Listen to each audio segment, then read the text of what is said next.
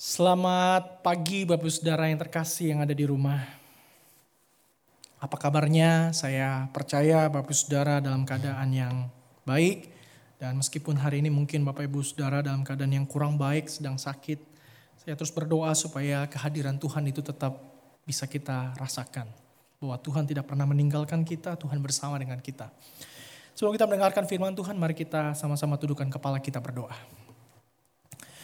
Bapa kami berterima kasih kepadamu karena kami tahu Tuhan bahwa anugerahmu tidak pernah berubah bagi kami. Bahwa penyertaanmu tidak pernah lalu dari kami. Bahwa kehadiranmu tidak pernah sedetik pun absen dalam kehidupan kami. Engkau selalu ada Tuhan dan kau setia. Sehingga apa pun hari ini yang menjadi kondisi kami, apakah baik atau kurang baik, apakah sakit atau sehat, kami percaya kepada Tuhan bahwa Engkau adalah Tuhan kami dan Engkau penulis hidup kami dan Engkau selalu bersama dengan kami. Kami berdoa supaya di tengah-tengah masa-masa sulit, di tengah-tengah pandemi yang kami alami, kami tetap bisa berpengharapan kepada Tuhan. Mata kami tetap tertuju kepada Tuhan dan biarlah kembali hati kami dibawa, pikiran kami dibawa untuk fokus sekali lagi kepada firman Tuhan pagi hari ini. Tuhan bicara kepada kami, Tuhan yang tolong kami, hal-hal yang perlu kami kikis dalam kehidupan kami. Kami berdoa di dalam nama Yesus, Tuhan Engkau yang tolong kami, mampukan kami, ubah kami suruh dengan kehendakmu. Kalau ada hati kami yang lemah Tuhan, kami rindu sekali Engkau kuatkan hari ini dan Engkau berikan semangat yang baru untuk terus melangkah. Terima kasih. Biarlah firmanmu berbicara kepada kami pagi hari ini. Demi Kristus Yesus Juru Selamat kami kami berdoa. Amin. Bapak saudara uh, silakan duduk kembali. Uh, hari ini kita akan merenungkan satu tema. Hid, uh, temanya adalah hidup yang terus diperbaharui. Kita akan baca ayatnya dari Roma 12 ayat yang kedua. ya Roma pasal yang ke-12 ayat yang kedua. Kita akan baca, saya akan baca buat Bapak Saudara, Bapak Saudara yang ada di rumah boleh buka uh, Alkitabnya, kita akan baca sama-sama, Bapak Ibu Saudara bisa mengikuti saya. Roma 12 ayat yang kedua demikian firman Tuhan. Janganlah kamu menjadi serupa dengan dunia ini, tetapi berubahlah oleh pembaharuan budimu. Sehingga kamu dapat membedakan manakah kehendak Allah, apa yang baik, yang berkenan kepada Allah, dan yang sempurna. Nah Bapak Ibu Saudara yang terkasih tanggal 31 Oktober ini berapa hari lagi kita akan memperingati yang namanya Hari Reformasi Gereja. Dan selama sebulan ini kita sudah dibawa untuk memahami topik-topik yang berkaitan dengan tema reformasi gereja. Nah hari ini kita akan membahas satu tema bahwa reformasi itu tidak cuma terjadi sekali dalam perjalanan sejarah. Berhenti sampai di situ, enggak. Tetapi kita melihat bahwa reform atau reforming itu seharusnya terus menerus terjadi di dalam kehidupan kita. Ada sebuah frase yang pernah dipopulerkan oleh seorang bernama teolog namanya Calvert. Ya, dia mencetuskan satu uh, frase Ecclesia semper reformanda yang artinya gereja yang terus menerus diperbaharui, always reforming. Nah, apa yang dimaksudkan oleh Calvert di sini? Saya percaya tidak hanya berbicara tentang gereja secara institusi atau gereja secara organisasi yang perlu dibaharui, direformasi dari waktu ke waktu. Tetapi juga berbicara tentang hidup orang percaya yang adalah tubuh Kristus, yang adalah gereja. Harus terus menerus diperbaharui. Nah pandemi yang kita alami hari ini Bapak Ibu Nampaknya membuat kita, membawa kita dapat melihat dengan jelas bahwa gereja yang sesungguhnya, yang terutama itu ternyata bukanlah gedungnya. Oke, betul sekali bahwa gedung dan fasilitas uh, fisik itu penting. Tetapi pandemi ini memaksa kita untuk yang membuat kita tidak dapat beribadah di gereja. Akhirnya membuat kita sadar bahwa esensi gereja itu adalah orangnya. Meskipun kita tidak dapat beribadah di gereja, tapi toh pada kenyataannya hari ini tiap minggu kita beribadah dan kita bersyukur kepada Tuhan. Sehingga waktu berbicara tentang ecclesia semper reformanda, gereja yang terus menerus dibaharui, diperbaharui. Maka ini bukan berbicara hanya tentang institusinya saja. Tapi hidup kita orang percaya. Hidup kita sebagai gereja. Hidup kita sebagai tubuh Kristus. Yang terus menerus mengalami perubahan. Kita terus mengevaluasi diri kita. Mengoreksi diri kita. Dan kita harus membuka diri kita. Apa yang salah kita harus ubah. Ada seorang bernama Henry Nouwen. Henry Nouwen seorang priest Katolik kebangsaan Belanda. Dia berkata begini. Siapa yang mengira bahwa dia sudah selesai, he's finished. Maka dia tamat. Benar sekali. Siapa yang berpikir, yang mengira bahwa dia sudah tiba, ya, dia sudah arrived. Sesungguhnya dia tersesat. Dia yang mengira bahwa dia sudah mencapai tujuannya. Maka sebenarnya dia miss it. Dia melewatkannya. Dia yang berpikir bahwa dia adalah orang suci. They are saints. Are demons. Dia adalah iblis. Nuhun membawa kita untuk melihat bahwa diri kita ini gak sempurna. Ya, bahwa perjalanan kita itu belum selesai. Gak ada satu orang pun hari ini, entah jabatan di gereja itu seperti apa, pelayanan kita di gereja seperti apa, yang bisa berkata, aku udah sempurna. Enggak. Kita harus membuka diri kita untuk setiap hari itu dibarui oleh Tuhan. Dan pagi hari ini, saya rindu sekali kita membuka hidup kita dan berkata, Tuhan memang engkau sudah menyucikanku dengan darahmu. Tapi hidupku, aku membuka hidupku untuk terus menerus engkau baharui. Nah sebagai orang percaya, kita terus memperbaharui atau dibaharui hidup kita itu dari hari ke hari. Bahkan saya mau katakan, pembaharuan, bahkan perubahan itu sendiri. ya merupakan bagian yang sangat esensial dalam kehidupan kita sebagai manusia. Seringkali orang tua ngomong begini sama anaknya. Kalau kesel anaknya punya bad habit. Orang tua selalu ngomong begini. Dari dulu ya elu nggak berubah-berubah. Kenapa? Karena orang tua selalu menemukan ada hal yang buruk, kebiasaan yang buruk yang kita lakukan. Dan itu mulu. Sehingga orang tua berkata dari dulu elu nggak pernah berubah-ubah. Tapi saya pikir-pikir lagi, apa betul bahwa nggak ada bahwa ada orang yang memang nggak berubah-ubah dalam hidupnya? Saya rasa enggak, Bapak Ibu. Everybody is changing. Setiap orang pasti mengalami perubahan dalam hidupnya. Nah, saya ingin kasih lihat foto anak saya. Ini saya foto waktu dia usia dua bulan. Nah, Bapak Ibu lihat bajunya ya. Saya ini usia dua bulan, sekarang dia udah lima bulan.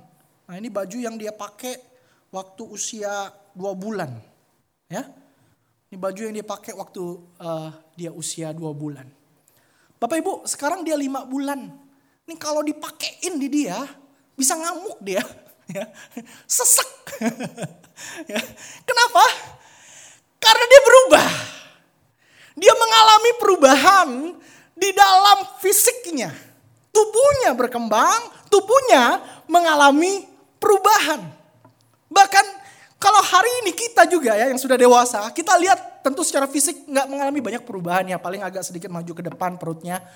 Kalau kita lihat ke belakang 10 tahun yang lalu, kita lihat foto kita 10 tahun yang lalu, lalu kemudian kita berdiri sekarang, lalu kita lihat foto kita 10 tahun yang lalu. Pasti kita dapat pastikan Bapak Ibu bilang, aduh gila ya, jelek banget ya dulu gue. kita lihat ada yang berubah di dalam kehidupan kita. Maka saya bahwa perubahan itu sesungguhnya adalah sesuatu yang esensial sekali di dalam kehidupan kita sebagai manusia. Bahkan begini deh, pandemi yang kita alami selama 7-8 bulan terakhir ini Bapak Ibu. Sudah banyak hal tentunya yang mengubah kita. Waktu pandemi ini stop, after pandemi bakal ada relasi-relasi yang berubah. Bentuk kerja yang berubah. Banyak perubahan Bapak Ibu. Sehingga saya ingin katakan pagi hari ini bahwa natur kita adalah manusia itu nggak statis, tapi dinamis dan terus mengalami perubahan. Everybody's changing. Ada lagunya tuh ya. Tadi WL kita ke Arthur itu pasti bisa menyanyikannya. Everybody's changing. Everybody's changing. Nah di tengah-tengah fakta bahwa hidup kita dan semua kita bahkan dunia di sekitar kita berubah. Paulus berkata begini. Roma 12 ayat 2 bilang begini. Janganlah kamu menjadi serupa dengan dunia. Soalnya Paulus mau bilang begini. Lo, kamu jangan ikutin perubahan dunia. Dunia berubah, tapi lu jangan berubah. Kira-kira begitu ya.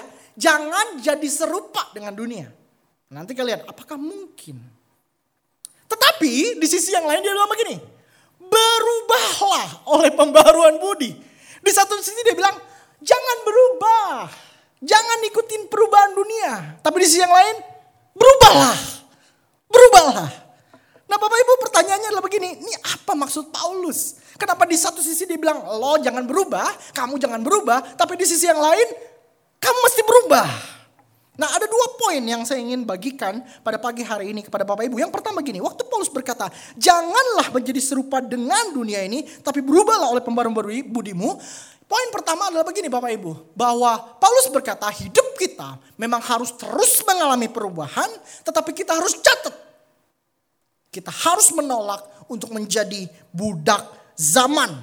Ya, Nah yang menarik buat saya adalah begini, kata jangan kamu menjadi serupa. Do not be confirmed ya. Do not confirm itu ditulis dalam bentuk presence, pasif, Bapak Ibu, pasif dan middle imperatif. Jadi ahli bahasa itu ragu ini pasif atau middle begitu ya. Maksudnya apa? Maksudnya kalau pasif itu artinya ya udah kita nggak sadar kita biarkan diri kita digiring oleh perubahan dunia ini. Dunia mau berubah kayak apa, kita ikutin. Kita nggak punya kesadaran, tapi kita ikutin semua. Tapi middle, middle itu begini. Kita sadar ada beberapa hal kita lakukan dengan sendiri. Ya, jadi nggak sepenuhnya kita digiring, ada sedikit kesadaran dan kita melakukannya dengan sadar. Maksud saya begini Bapak Ibu, nggak usah pikir yang yang ribet-ribet. Artinya begini, kita itu pasti hidup di sebuah zaman di tengah-tengah dunia dan zaman kita itu mengalami perkembangan dan perubahannya. Nah masing-masing kita yang hidup di dalam zaman ini, kita itu harus hidup di dalam zaman, di dalam dunia. Kita nggak bisa berkata bahwa uh, saya mau hidup di luar zaman. Nggak ada kita hari ini kalau gitu. Saya mau hidup uh, di luar dunia. Terus mau hidup di mana? kita hidup di dalam dunia. Kita hidup di dalam zaman dengan berbagai pengaruhnya. Ya. Dan kita suka atau nggak suka mendapatkan pengaruh itu. Baju yang saya pakai, dasi yang saya pakai, ya, iPad yang saya pakai. Bukankah itu adalah pengaruh dari zaman yang saya terima? Atau misalnya, misalnya Bapak Ibu, kita hari ini pakai satu teknologi. Dunia itu menemukan sebuah teknologi yang dulu cuma ada di film-film Hollywood, ya. ya. Itu sebuah imajinasi saja. Apa itu? Teknologi video call. Oke? Okay? Video call Bapak Ibu. Dulu 10 tahun, 15 tahun yang lalu kita cuma pikir, nah enggak mungkin lah bisa begitu ya, cuma ada di film. Tapi hari ini kita komsel pakai video call. ya Kita meeting pakai video call Bapak Ibu. Bayangin, apa yang ditemukan di dalam dunia, kita pakai sebagai orang percaya untuk pelayanan, untuk kemuliaan Tuhan. Kita berubah mengikuti perubahan dunia yang ada. Loh, tapi Paulus bilang jangan jadi serupa dengan dunia. Gimana dong? Kenyataannya kita sudah berubah dan kita diubah oleh dunia ini.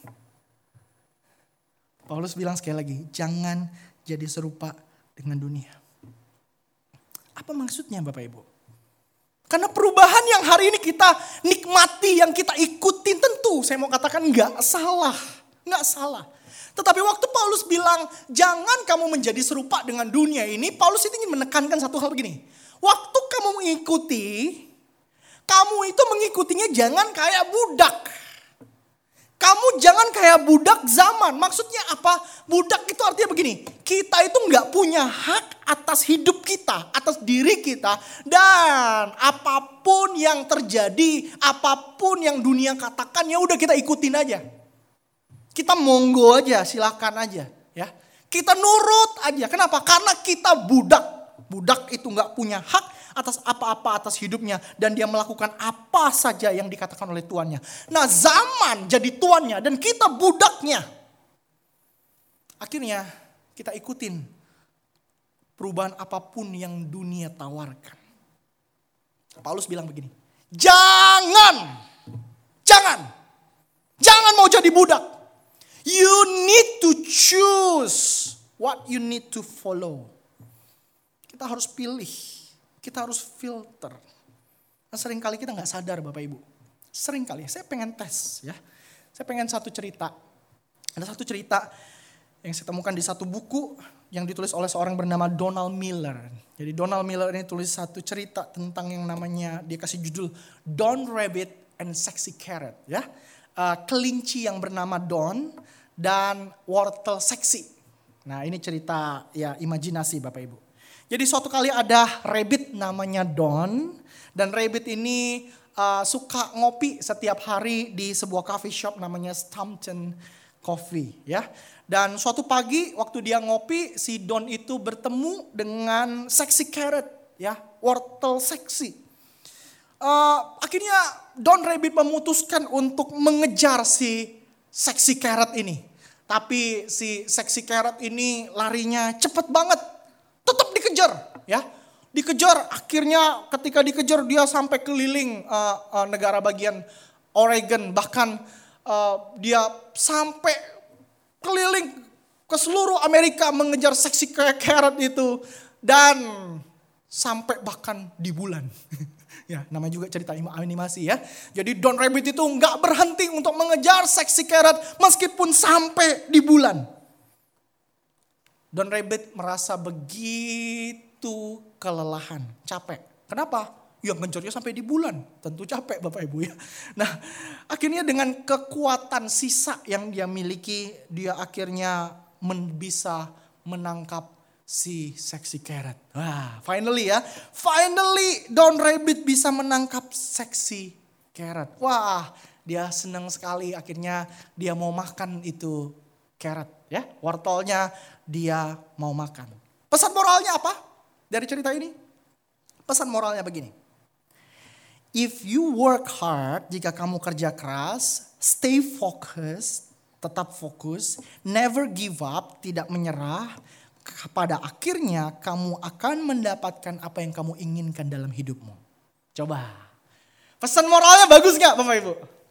Coba Bapak Ibu yang ada di rumah, suami istri, ada anak, coba tanya. Setuju nggak dengan pesan moral ini? Jika kamu bekerja keras, tetap fokus, nggak gampang menyerah, maka kamu pasti akan mendapatkan apa yang kamu inginkan dalam hidup. Setuju? Saya percaya bahwa sebagian besar Bapak Ibu di rumah akan bilang, setuju, ini pesan moralnya keren banget ya. Jangan menyerah, keren banget. Tapi ceritanya belum selesai. Ceritanya belum selesai. Karena berikutnya ternyata begini Bapak Ibu. Sayangnya ketika cerita itu sudah dikatakan, Don Rabbit rupanya keselak. ya, wortelnya nyangkut di tenggorokannya dan akhirnya dia mati. Pesan moralnya apa Bapak Ibu? Pesan moralnya yang kedua. Yang kedua begini. Kadang-kadang, sometimes, the things we want most in life will kill us. Kadang-kadang, apa yang kita sangat inginkan dalam hidup ini, itu dapat membunuh kita. Coba tanya lagi, samping kiri kanannya. Tanya istri atau suaminya, anaknya. Setuju nggak dengan pesan moral yang kedua ini? Saya yakin Bapak Ibu di rumah akan berkata setuju ya. Sebagian besar pasti akan berkata setuju. Benar. Kadang kita pengen yang kita pengen benar-benar inginkan itu ternyata salah dan justru membunuh kita, menghancurkan kehidupan kita. Ada yang begitu. Nah, Bapak Ibu lihat ya. Gampang sekali waktu saya katakan satu story Pesan moral begini kita setuju. Saya katakan pesan moral yang kedua, Bapak bilang setuju. Coba perhatikan. Seringkali dalam hidup ini kita nggak punya filterisasi. Kita nggak punya sebuah perspektif dan prinsip. Sehingga apa pun yang orang katakan kita bilang setuju. Orang lain katakan ini kita setuju. Semua kita mau ambil. Paulus katakan, do not be confirmed. Jangan jadi serupa. Jangan. Kamu bukan budak zaman. Bukan. Bukan. Jangan jadi serupa. Kamu harus, kita harus punya sebuah kesadaran tentang hal-hal apa yang ada dalam di sekitar kita. Yang memiliki potensi mempengaruhi, membentuk hidup kita. Dan secara sadar, jika itu benar kita katakan, oke okay, aku terima. Tapi jika itu tidak berkenan di hadapan Tuhan, Tuhan kita harus berkata, no. It's okay to say no. It's okay. Terus bagaimana caranya? Caranya cuma satu. Firman Tuhan harus terukir dalam hati kita. Saya senang dengan kata meditate. Okay? We need to meditate God's word every day. Meditate atau contemplate. Bapak Ibu kata meditate itu kalau diterjemahkan, diuraikan kata meditate itu kayak gini. Ada seekor anjing yang dapat tulang. Tulang itu udah nggak ada dagingnya. Tapi si anjing itu terus jilatin. Itu tulang terus dijilat-jilatin. Kalau kita ambil kita buang dia akan kejar. Itu tulang dia akan jilatin lagi. Meditate God's word sama seperti anjing. Jilatin itu tulang. Firman itu. Kita benar-benar nikmati nikmati nikmati setiap hari. Sampai firman itu terukir. Dan pada akhirnya membentuk perspektif kita sehingga dengan perspektif berdasarkan firman itu kita melihat apa yang ada di sekitar kita. Apa yang dunia tawarkan kepada kita. Karena yang kedua Bapak Ibu, apa artinya? Always reforming. Yang kedua adalah kita harus hidup dengan sebuah perspektif dan perspektif itu harusnya perspektif sorgawi. Paulus bilang begini, jangan kamu menjadi serupa dengan dunia ini. Masalahnya begini, kita menerjemahkan dengan kata dunia ini. Padahal bahasa Yunani adalah aion. Aion itu artinya zaman ini. Jangan kamu jadi serupa dengan zaman ini. Jangan jadi budaknya zaman ini. Jangan. Ya.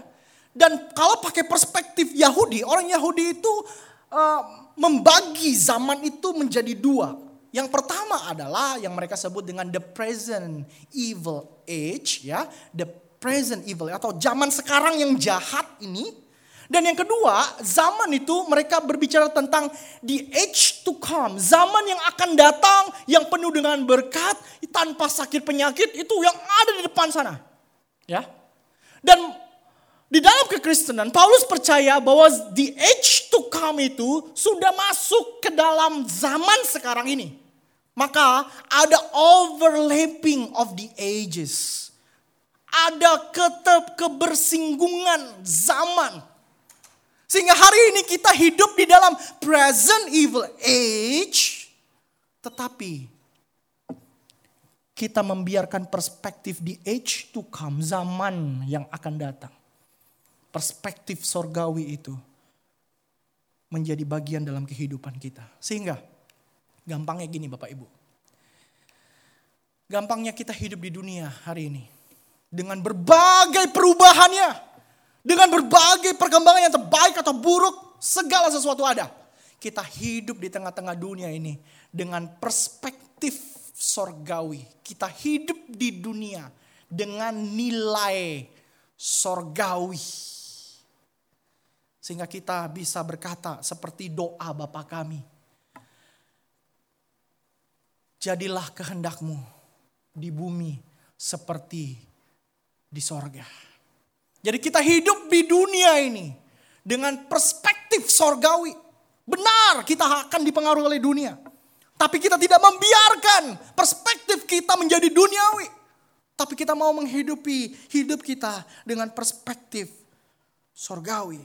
Nah di sinilah tugas kita sebagai orang percaya bahwa di tengah-tengah zaman yang penuh dengan carut marut ini. Kita harus menghadirkan keadilan, kebenaran, sukacita, kedamaian, belas kasihan, anugerah dan kasih.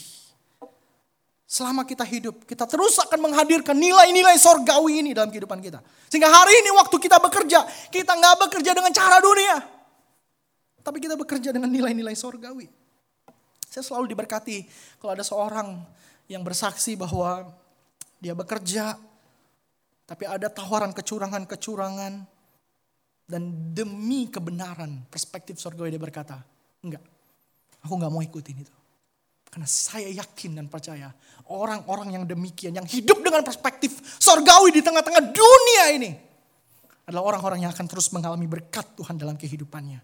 Mungkin bukan berkat yang bicara soal secara fisik dan jasmani. tapi hatinya penuh dengan kedamaian. C.S. Lewis pernah berkata demikian Bapak Ibu. If you read history, you will find that the Christian who did the most for the present world were precisely those who thought most of the next. Jika kita membaca sejarah, kita akan menemukan bahwa orang-orang Kristen yang melakukan hal-hal besar di zaman ini, biasanya paling utama adalah mereka yang pikirannya itu mengarah kepada apa yang akan datang. The age to come. Saya sebut beberapa tokoh. William Wilberforce, Bapak Ibu.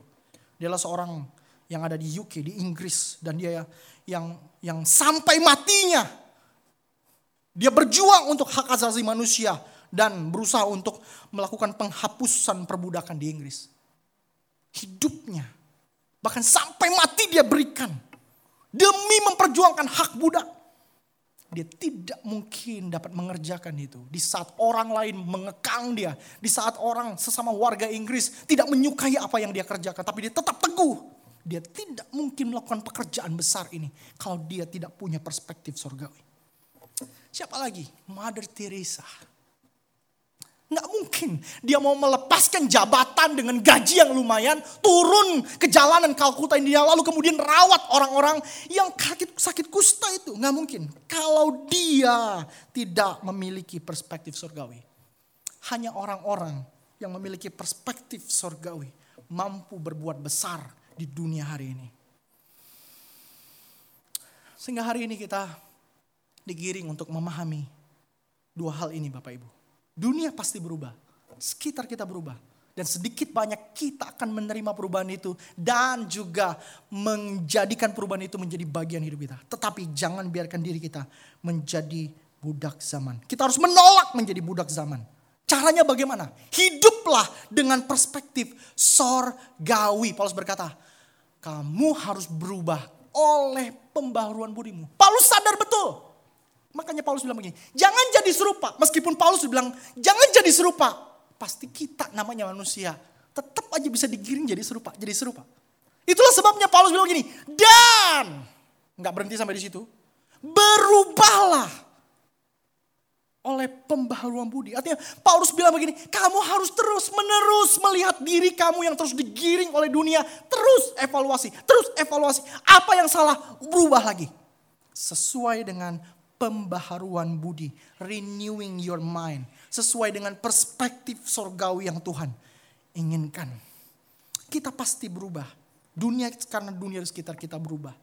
Tapi kita tidak membiarkan diri kita hanyut di dalam perubahan begitu saja. Tapi kita akan filternya dengan sebuah perspektif sorgawi. Sehingga perubahan yang kita alami bukan perubahan yang buruk. Semua orang berubah, everybody's changing. But the question is, kamu, kita berubahnya ke arah yang mana? Dunia dengan berbagai kejahatannya atau kehendak Allah? Bapak Ibu saya ingin menutup dengan sebuah ilustrasi. Pernah nggak Bapak Ibu mengendarai mobil misalnya lagi di tol, tiba-tiba Bapak Ibu sadar di mobil Bapak Ibu ada lalat. Lalat ya, bukan lalat. Lalat. Maaf. Ada lalat terbang di dalam mobil kita. Lalu Bapak Ibu decide memutuskan begini. Gua pengen gas kenceng aja nih. Supaya apa? Ini lalat lagi terbang, waktu gas kenceng, tiba-tiba ngikut gitu, ketinggalan di belakang. Cuk, akhirnya lalatnya uh, ngantem kaca belakang. Bisa nggak begitu? Nggak bisa gitu ya. waktu kita bilang, ah gimana nih cara ngeluarin lalat lagi di tol, susah ya kencang aja nih ya, tancap gas 100, puh, lalatnya cek, nempok mati. Rasain lu. Nggak bisa ya. Yang kita lihat justru sebaliknya. Mau sekencang apa pun kita nyetir, oke? Okay? Mau selambat apa pun kita nyetir, itu lalat suka-suka dia terbang dalam mobil. Lalat itu tetap dalam mobil Bapak Ibu, nggak ke mana-mana. Tetap dalam mobil. Tapi terbangnya dia sesuai dengan maunya dia. Hidup kita di tengah-tengah dunia ini harusnya kayak lalat itu. Dunia berubah, mau cepat, mau kenceng perubahannya. Kita tetap ada di dalamnya. Nah mampu nggak kita bilang pada diri kita dan pada Tuhan bilang ini, Tuhan Tapi aku nggak mau membiarkan diriku mengikuti laju kencangnya mobil ini. Aku mau kayak lalat. Aku mau terbang sesuai dengan kehendakmu. Sesuai dengan perspektif sorgawi. Pandemi ini mengubah banyak hal. Bahkan saya membayangkan after pandemi. Ada banyak relasi yang berubah. Mungkin orang udah lama gak ketemu orang gitu ya. Temen dan sebagainya. Bisa jadi kangen banget, tapi awkward gitu. Lama gak ketemu gitu. Atau bagaimana begitu? Bentuk bisnis kita mungkin bisa berubah juga. Ada banyak yang diubah oleh pandemi ini. Tapi mau nggak kita jadi kayak lalat tadi dan bilang begini, Tuhan meskipun pandemi ini udah mengubah banyak hal. Tapi aku nggak mau kasihku, imanku, pengharapanku kepada Tuhan berubah. Nggak mau. Pandemi ini mengubah, tapi aku nggak mau. Pandemi ini mengubah aku jadi orang yang egois. Dulu rajin pelayanan. Sekarang enggan melayani. Dulu kita masih rela berkorban untuk memberi. Tapi hari ini kita penuh berpikir sangat egois. Dulu kita mau bantu orang. Tapi sekarang kita menjadi orang yang gak peduli. Saya tahu kita semua dalam kondisi yang sulit. Tapi Mau nggak kita di tengah-tengah the present age dunia sekarang ini, kita menghidupi the age to come, perspektif surgawi. Itu yang kita hidupi. Sehingga meskipun pandemi ini mengoncangkan banyak hal dalam hidup kita. Tapi kita berkata, kasihku kepada engkau, kepada sesama tetap. Imanku kepada engkau, pengharapanku kepada engkau Tuhan. Tetap di dalam hatiku. Biarlah Tuhan menolong kita. Terus menerus membiarkan hidup kita terbuka di hadapan Tuhan dan terus menerus dibaharui. Mari kita tundukkan kepala kita berdoa. Tuhan terima kasih untuk firman-Mu. Terima kasih karena ada firman yang bicara lagi pada kami. Kami ini orang yang lemah Tuhan. Kami gampang banget digoncangkan oleh dunia di sekitar kami. Itulah sebabnya Paulus dalam firman berkata, jangan jadi serupa. Nah, kalau kamu jadi serupa, karena setiap kami Tuhan, dengan rendah hati kami mau katakan, kami gampang banget jadi serupa dengan dunia. Tapi Tuhan, melalui Paulus kau ingatkan kami, berubahlah, berubah lagi, berubah lagi. Seturut dengan pembaharuan budi, dengan pengertian sorgawi yang kami terima melalui firman.